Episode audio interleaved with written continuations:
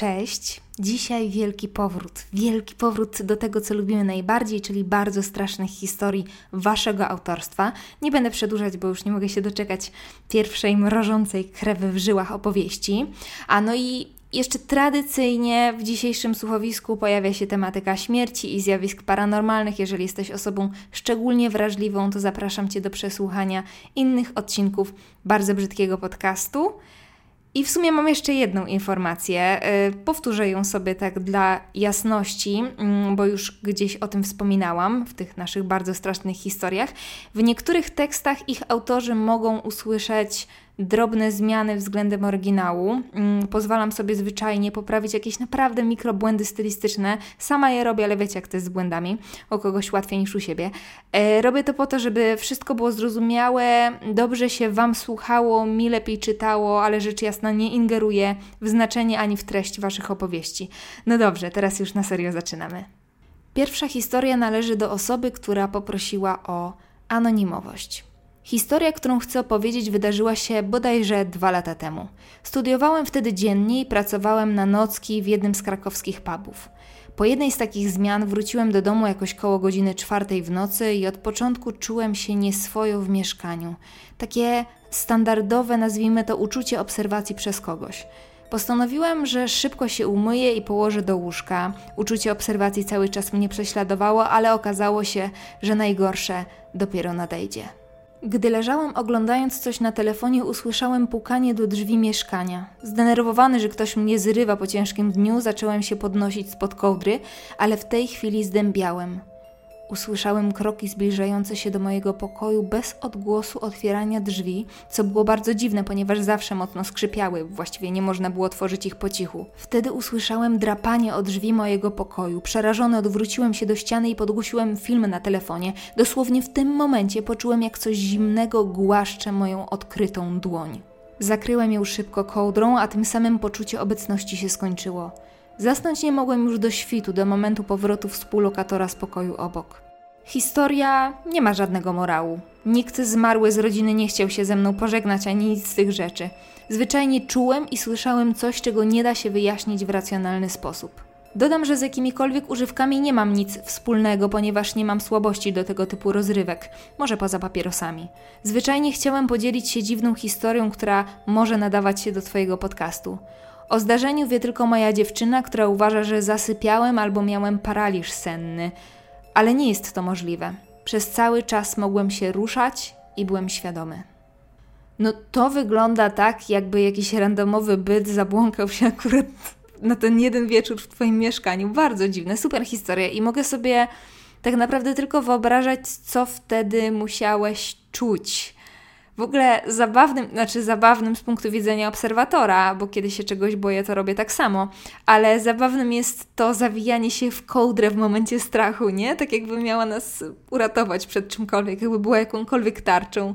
Super, dobra, lecimy dalej. Kolejną historię nadesłała Gosia, a właściwie trzy mini historie i wszystkie je postanowiłam Wam dzisiaj przeczytać. Sen. W nocy po pogrzebie mojej babci miałam sen, w którym wystąpił również mój nieżyjący już dziadek, zmarł 10 lat wcześniej. Dziadek stał na łące niedaleko lasu we wsi, w której mieszkał z babcią. Był ubrany w garnitur, spokojnie co jakiś czas spoglądał na zegarek. W pewnym momencie dołączyła do niego moja babcia, którą powitał słowami: Zosiu, znów będziemy razem.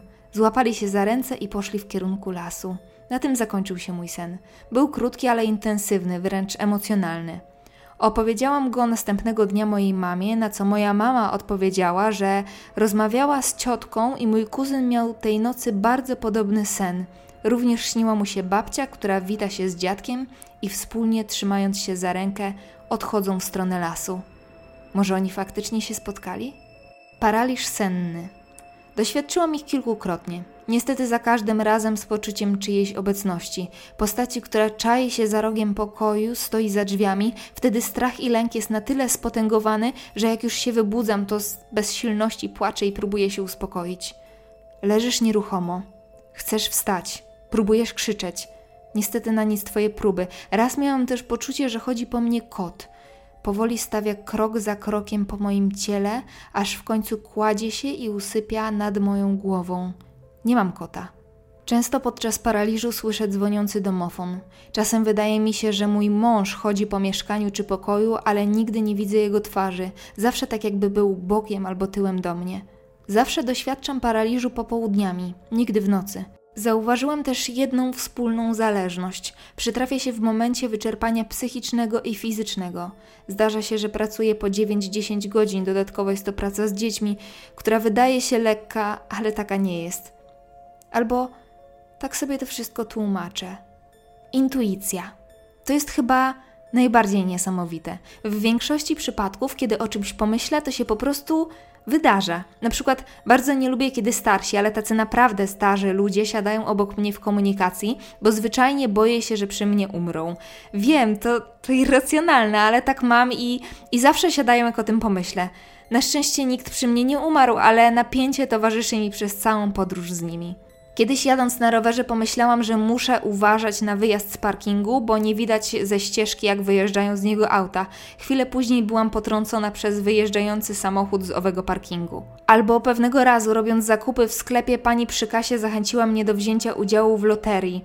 Wystarczyło uzupełnić kupon, dołączyć paragon i poczekać na losowanie. Mówię do mamy: Zobacz, wylosują mój paragon. 15 minut później wyjeżdżałyśmy z wózkiem sklepowym po brzegi wypchanym produktami, które stanowiły nagrodę w loterii.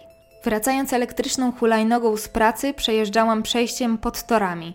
Zjeżdżając do niego, pomyślałam o tym, że ostatnio widziałam, że ludzie często mylą strony podczas korzystania ze zjazdów i wjazdów.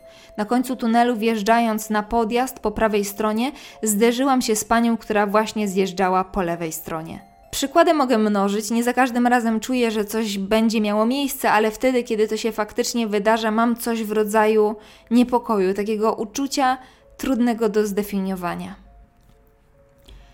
Dzięki za ten paranormalny tryptyk, Gosiu. Wiesz, ja wciąż wierzę, że pomimo mojej niewiary w wiele kwestii, że, że nasz umysł może znacznie więcej niż nam się wydaje I że ta intuicja, którą przecież przejawiają na przykład zwierzęta i niewiele osób to neguje, one po prostu wiedzą i widzą więcej, e, mogłaby być również naszym udziałem, gdybyśmy, gdybyśmy nieco bardziej otworzyli nasze głowy. Ten kontakt e, z wyższym ja jest super ważny według mnie, z tą intuicją, z tą podświadomością, z tym, z tym potężnym komputerem, który działa gdzieś w tle z tyłu naszej głowy. Wierzę, że można się tego nauczyć i można z tego korzystać. Oczywiście niektórym, tak jak Tobie, przychodzi to z naturalną łatwością, co jest z jednej strony może mm, budzące dreszcze, ale jednak zachęcam do dumy z takiego dodatkowego zmysłu. Kolejnego maila napisała Natalia. Mam młodszą siostrę, a różnica wieku między nami to aż 15 lat. Kiedy ja wyprowadzałam się z domu rodzinnego na studia, moja mama została sama w domu z moją młodszą siostrą, tata mieszka za granicą. Któregoś razu przyjechałam do domu na dłuższy czas. Na pewno to była jesień, bo bardzo szybko robiło się ciemno. Pewnego wieczoru siedziałam sobie z mamą, piłyśmy gorącą herbatę i rozmawiałyśmy o różnych głupotach. W końcu temat zszedł na rodziców mamy, którzy oboje nie żyją. Zmarli na kilka lat przed narodzinami mojej młodszej siostry, co jest bardzo istotne dla tej historii. Warto też wspomnieć, że wtedy moja młodsza siostra miała 5, może 6 lat i moja mama nigdy nie opowiadała jej o dziadkach, nie pokazywała też jej zdjęć. Odejście moich dziadków było dla nas bardzo bolesne i nie trzymamy nigdzie na widoku ich zdjęć. Wszystkie są schowane w pudle na górze wielkiej szafy. Wracając do tematu, podczas rozmowy z mamą opowiedziała mi, jak jakiś czas temu bardzo mocno się przeziębiła. Mówiła, że jednego dnia rozłożyła sofę w salonie i leżała, żeby się wygrzać. Siostra głównie bawiła się wtedy w pokoju obok, ale parę razy zajrzała do mamy do salonu i wszystko wydawało się być w porządku. Do następnego dnia. Następnego ranka mama czuła się już lepiej, ból gardła przeszedł, zostało lekkie przeziębienie. Wtedy moja młodsza siostra zapytała: Mamo, a kim była ta pani, z którą wczoraj leżałaś? Mama zbladła, bo przecież nikogo nie było. Na naszej ulicy mieszka sporo osób z naszej rodziny i bardzo często wpadamy do siebie z wizytą bez zapowiedzi, ale tamtego dnia nikt nie przyszedł. Moja mama zapytała, co to była za pani, na co moja siostra odparła: taka w czerwonych włosach. Takiego koloru włosy ma właśnie jedna z cioć, która mieszka naprzeciwko nas, więc mama trochę się uspokoiła i stwierdziła, że mojej siostrze jednak coś się pomyliło, no bo to jednak dziecko. Po opowiedzeniu mi tej historii mamie przypomniało się jednak coś jeszcze – Moja siostra, jak była mniejsza, to jest kiedy miała ze 3-4 lata i bawiła się w salonie, czasami spoglądała w stronę korytarza i mówiła, że stoi tam jakiś pan. Moja mama wtedy nic sobie z tego nie robiła, bo przecież dzieci mają bujną wyobraźnię. Co ciekawe, któregoś dnia przyjechała do nas siostra mojej mamy i oglądały stare zdjęcia, bo było to jakoś w okolicach rocznicy śmierci babci. Na stole w salonie leżały zdjęcia, na jednym z nich była babcia siedząca przy stole w kuchni. Zapomniałam wspomnieć, że ja i mama mieszkałyśmy z dziadkami w tym samym domu, w którym teraz mieszkamy. I wtedy moja młodsza siostra powiedziała: Mamo, to ta pani, która z tobą leżała, jak byłaś chora. O nie, o nie, o nie, o nie. To jest jedna z tych historii, która uświadamia mi, że dzieciaki, podobnie jak zwierzęta zresztą, też są wyposażone w dodatkowe zmysły, co według mnie mm, jest dowodem na to, że ludzie też potrafią, tylko w pewnym momencie nasz mózg jest zajęty tyloma innymi sprawami, że te umiejętności zatracamy. Super historia. Nie będę mogła jej teraz wyrzucić z głowy, a takie są najlepsze. Swoją drogą przypomniała mi się jedna taka właśnie historia, którą opowiadała mi w pracy koleżanka. Pewnie coś poprzekręcam, więc jeżeli autorka jakimś cudem tego słucha mm, i coś pokićkałam, to, to bardzo przepraszam. Y, koleżanka usypiała swojego kilkuletniego synka. On jeszcze chciał z nią rozmawiać, był taki ewidentnie pobudzony i nieskory do, do snu, y, więc cały proces przebiegał bardzo mozolnie. I w pewnym momencie koleżanka powiedziała do dziecka coś w stylu: No dobrze, teraz wszyscy idziemy spać. A on odpowiedział: Pani też? No i koleżanka yy, zbaraniała trochę, bo nie wiedziała o co chodzi, więc zapytała: Jaka pani? I synek pokazał jej na sufit nad nimi. No i koleżanka mimo wszystko nie straciła zimnej krwi od i odpowiedziała: Tak, pani też. I synek spokojnie poszedł spać. Masakra, masakra. Dzieci widzą i wiedzą więcej. I o tym też będzie kolejna, już ostatnia historia nadesłana przez Julkę. Moja nieco straszna historia rozpoczęła się, gdy byłam jeszcze bardzo mała i trwa po dziś dzień. Już jako dziecko odnajdywałam w sobie pewnego rodzaju szósty zmysł, poczucie, które towarzyszyło mi od zawsze – gdy miałam 4 lata, przeprowadziliśmy się z rodzicami i dziadkami do małego i bardzo starego domu. Został wybudowany w 1890 roku i jest zarejestrowany jako zabytek, lecz po wielu renowacjach trzyma się całkiem nieźle. Nie było w nim zbyt wiele miejsca na wielopokoleniową rodzinę, więc mój tata postanowił urządzić mój pokój na strychu. Już podczas remontu znajdował tam wiele dziwnych przedmiotów, starych fotografii, biżuterię, a ja zawsze czułam, że coś jest z nimi nie tak. Płakałam na ich widok i czułam płynącą od nich negatywną energię. Rodzice wyrzucili wszystkie znaleziska. Ostatecznie, gdy pokój był już gotowy, spędzanie w nim nocy okazało się koszmarem. Dręczyły mnie dziwne sny, w których zawsze przewijał się motyw wojny, strachu i rzeki krwi. Te sny pojawiają się do dziś, gdy tylko nocuję w swoim starym pokoju, odwiedzając rodziców. Ale przejdźmy do sedna historii. Schody na strych mieściły się w małej komórce ze drzwiami. Została ona przerobiona na garderobę, więc ostatecznie, by dostać się do mojego pokoju, trzeba było najpierw wejść do garderoby. Już pierwszej nocy w nowym pokoju obudziłam się o trzeciej z potrzebą pójścia do toalety. Wtedy pierwszy raz ją zobaczyłam. Kobieta, około 45 lat, w starej sukni z różańcem w ręku. Stała na samym dole schodów i uśmiechała się do mnie. Pamiętam, że wcale się jej nie bałam. Czułam pozytywną energię i ciepło, jakie od niej biło. Od tamtej pory widywałam jej postać dokładnie w tym samym miejscu dosyć często. Muszę wspomnieć również, że miałam bardzo silne poczucie, wręcz pewność, że była ona szwaczką. Z wiekiem jej obecność zaczęła mnie irytować. Dorastałam i próbowałam racjonalizować sobie w głowie to zjawisko. Czułam, że wariuję. Znalazłam metodę, dzięki której przestałam widywać jej postać. Drzwi do garderoby zawsze zostawiałam otwarte, wtedy ona znikała.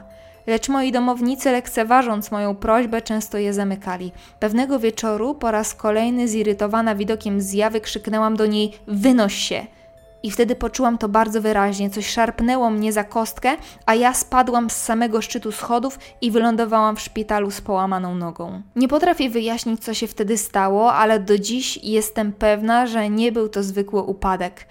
Znałam każdy stopień tych schodów na pamięć, schodziłam po nich setki razy i nigdy nie byłam nawet bliska upadku. Po tym incydencie przestałam widywać zatroskaną kobietę, lecz do dziś zdarza mi się czuć jej obecność lub zauważyć kątem oka słabą smugę światła w miejscu, gdzie zawsze stała. Najstraszniejszym w tej historii wydaje się to, że kilka miesięcy temu moja mama znalazła w naszej drewnianej szopie w ogrodzie starą maszynę do szycia, a na niej leżał równie stary, drewniany różaniec.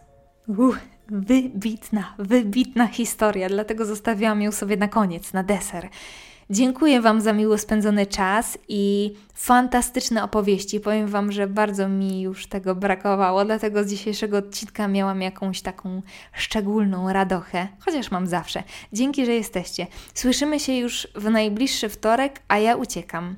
Do usłyszenia, całujemy. Cześć!